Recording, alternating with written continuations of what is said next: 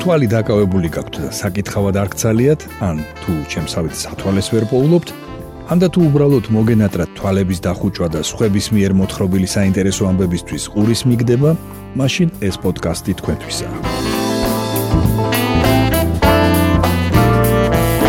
გამარჯობა.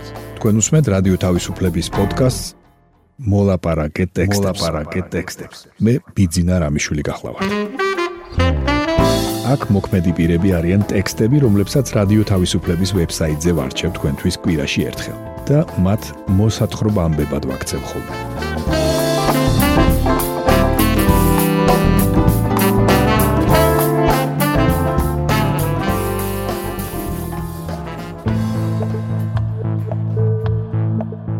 დღეს გავიხსენებთ რა დათმო ან ვითომ დათმო ხელისუფლებამ გასულ წელს და შემოგთავაზებთ გოგი გვახარიას რეცენზიას პედრო ალმოდოვარის უკანასკნელი ფილმის შესახებ.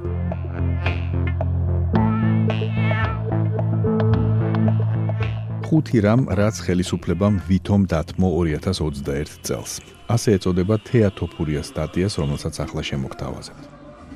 2021 წელმა საზოგადოების პროტესტის ფონზე ჩაიარა. იყო რამდენიმე შემთხვევა, როდესაც ამ პროტესტმა ერთი შეხედვით შედეგი გამოიღო. თუმცა მხოლოდ ერთი შეხედვით. ხელისუფლება საზოგადოების დაკვეთას ჯერ ასრულებდა, შემდეგ კი თავისი გადაწყვეტილებები ისევ უკან მიჰქონდა. გავიხსენოთ ხუთი ყველაზე თვალსაჩინო მაგალითი. ნომერი 1: შარლ მიშელის შეთანხმება. 2021 წელს მართველი პარტიისა და ოპოზიციის დაპირისპირება იმდენად გამძაფრდა, რომ ქვეყანა მასშტაბური კრიზისის წინაშე აღმოჩნდა. ოპოზიცია პარლამენტში არ შედიოდა, მთავრობას კი არჩევნების ხელახლა ჩატარება არ სურდა. მას შემდეგ რაც ადგილზე კონფლიქტის მოგვარების ყველა რესურსი ამოიწურა, საქმეში ევროკავშირი ჩაერთო და საქართველოსი ევროპული საბჭოს პრეზიდენტი შარლ მიშელი ჩამოვიდა. მის ინიციატივით 19 აპრილს გაფორმდა შეთანხმება, რომლის ხელმომწერებმა ვალდებულება იკისრეს ერთი მხრივ პარლამენტში შესვლაზე, მეორე მხრივ კი საარჩევნო და სასამართლო რეფორმის გატარებაზე. შეთანხმებას ხელი არ მოაწერეს ერთიანმა ნაციონალურმა მოძრაობამ, პარტია შეთანხმებას სექტემბერში შეუერთდა ევროპულმა საქართველოს ლეიბორისტულმა პარტიამ.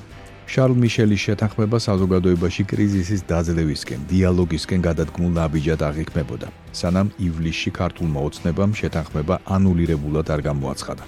მიზეზად კი დაასახელა, რომ მისი ცალმხრივად შესრულება მობეზრდა. ქართული ოცნების ეს ნაბიჯი შეფასდა როგორც უარი საქართველოს მხრიდან გააგრძელოს სვლა დასავლეთისკენ. ამერიკელი სენატორი ჯიმ რიში პირველი იყო, ვინც ამ თემას გამოეხმაურა. მან თქვა, რომ პარტიას არა ქვეყნის, არამედ მხოლოდ საკუთარი მომავალი აღელვებს. ნომერი 2: გადაიყვანეთ სააკაშვილი. ბოლოს და ბოლოს გადაიყვანეთ სააკაშვილი ამ წეულ სამოქალაქო კლინიკაში. აღმოხდა შეერთებული შტატების ყოფილ ელჩ საქართველოსი იან კელის, მას შემდეგ რაც ყოფილ პრეზიდენტ მიხეილ სააკაშვილს შიმშილობისგან ციხეში გული წაუვიდა. მიხეილ სააკაშვილმა შიმშილობა დაკავების დღიდან დაიწყო და 50 დღე გააგრძელა. თავდაპირველად ის სამართლიან სასამართლოს მოითხოვდა, შემდეგ კი მრავალ პროფილურ საავადმყოფოში გადაყვანას, რომ შიმშილობის შეწყვეტის შემდეგ რეაბილიტაციის გავლა შეძლებოდა. ამასთან ერთოდა აქციები, გამოსვლები და დეპუტატ ელენე ხოშტარიას შიმშილობა იმავე მოთხოვნით.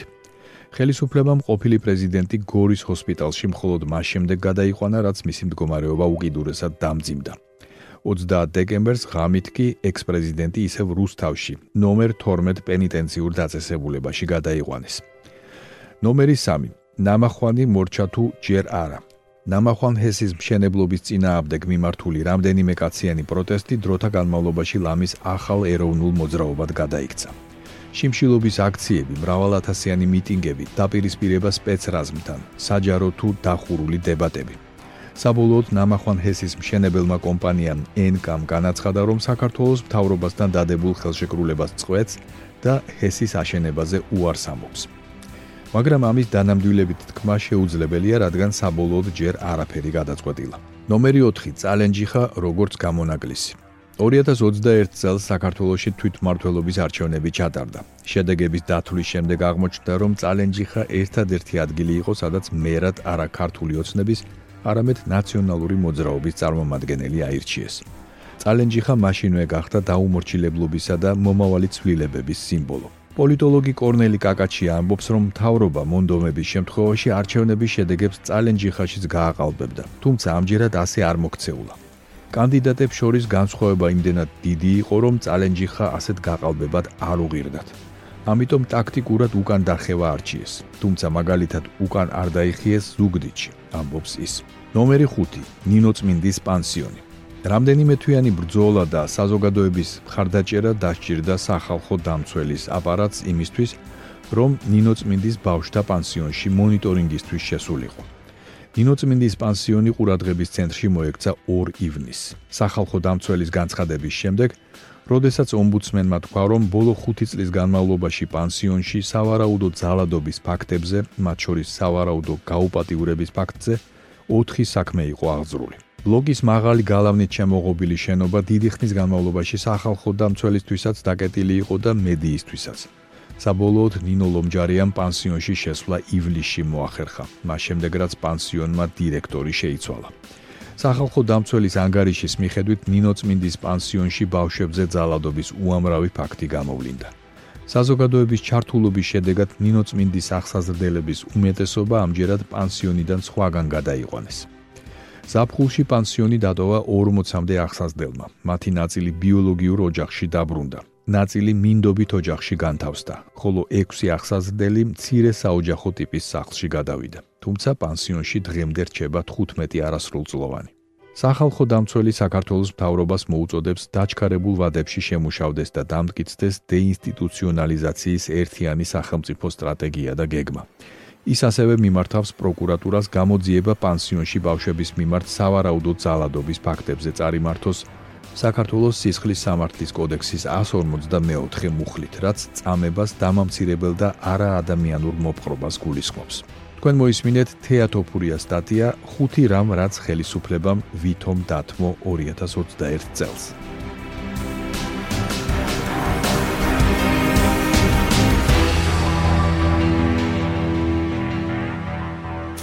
თქვენ უსმენთ პოდკასტს მოლაპარაკე ტექსტებს. შემდეგი სტატია გახლავთ გოგი გვახარიას რეცენზია საფლავი და საშვილოსნო. იგი ეხება პედრო ალმოდოვარის ფილმს პარალელური დედები. თბილისური ზამთრის დღეები პედრო ალმოდოვარის თბილი და მზიანი ფილმით გათბა. წლის ბოლოს საქართველოში შედგა პრემიერა ესპანური კინოს ლიდერის ახალი ფილმისა პარალელური დედები. ამ სურათში მთავარი როლის შემსრულებელი პენელოპე კრუზი ეს ნაზი და სიფრიფანა ქალი ჩვენს თვალწინ იმდენად ძლიერდება იმდენად გრანდიოზული ხდება იმდენად იფყრობს ალმოდოვარის წითელ ყვითელ სამყაროს აბსოლუტურად ყველაფრით აზრით გზნობით მზერით პლასტიკით ცრემლითაც კი რომ ფინალში ხვდები.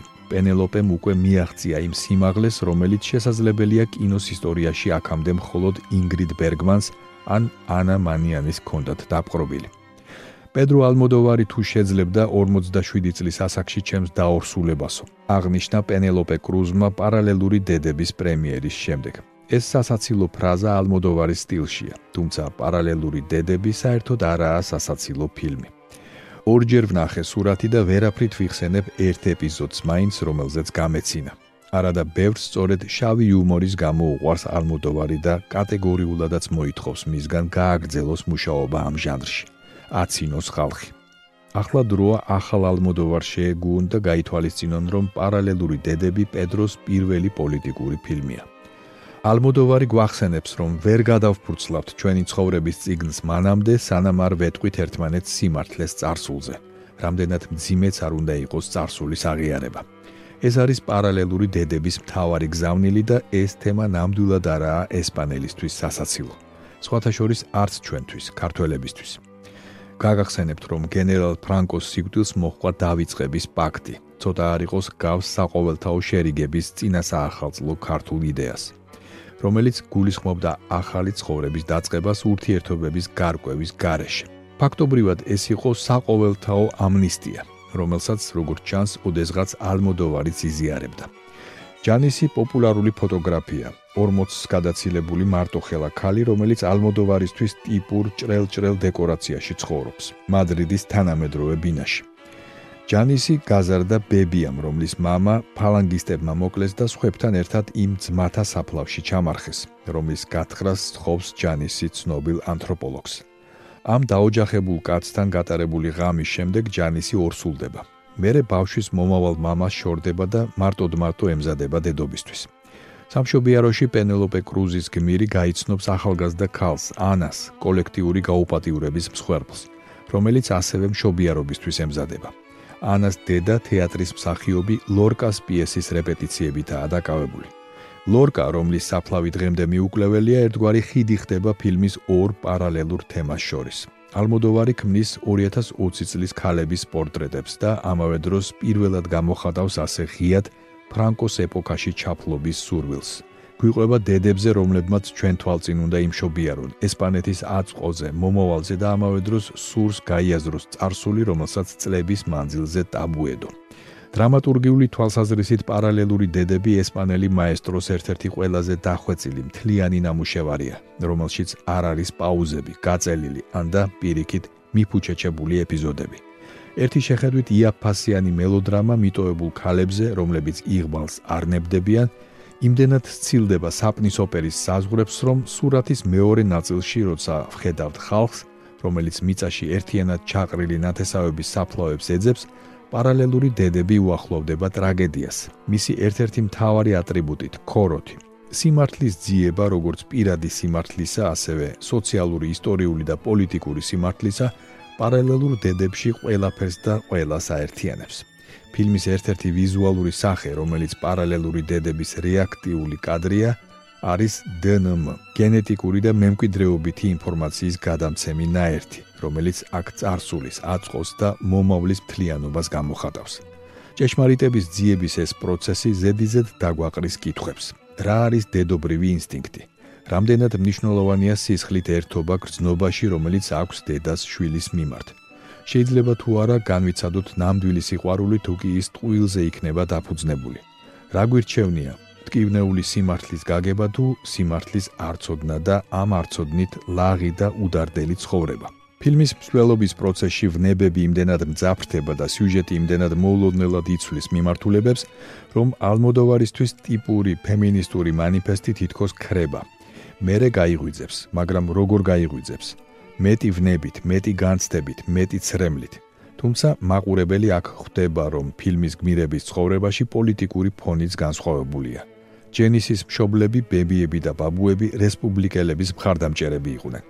ანას мама აშკარად მემარჯვენე კონსერვატორია. ეს განსხვავება მნიშვნელოვანი აღარაა, როცა ალმოდოვარი ორი ადამიანის ურთიერთობაზე, ორი ქალის დაახლოებაზე გვიყვება. კი, ჯენისი ისევე როგორც პედრო ალმოდოვარი გულწრფელად შეწუხებულია საკუთარი ქვეყნის წარსულის მიმართ გულგრილობით და უპასუხისმგებლობით, რომელიც ანასთვის საერთოდ ახალგაზრდებისთვისაა დამახასიათებელი. როგორი ნაცნობია ეს წუხილი ახალი თაობის გულგრილობის გამო? და როგორი ნაცნობია ახალი თაობის გაღიზიანება, როცა მათ მოქალაქეობრივ და პოლიტიკურ აქტიურობას ვთხოვთ ჩვენ უფროსები? ეგაა რომ ალმოდოვარი არ იქნებოდა ალმოდოვარი ამ პარალელური ხაზების გაერთიანების რომ არ შეეროდეს სადღაც უსასრულობაში მაგრამ მაინც ჯერა რომ სიბერე და სიჭაბუკე საფლავი და საშვილოსნო სიკვდილი და სიцоცხლე საბოლოო ჯამში მაინც ერთი მთლიანობაა ნუ დაგვავიწყდება რომ პედრო ალმოდოვარი გამოუსწორებელი და დაუბერებელი ესპანელია. თქვენ მოისმინეთ გოგი გვახარიას სტატია საფლავი და საშვილოსნო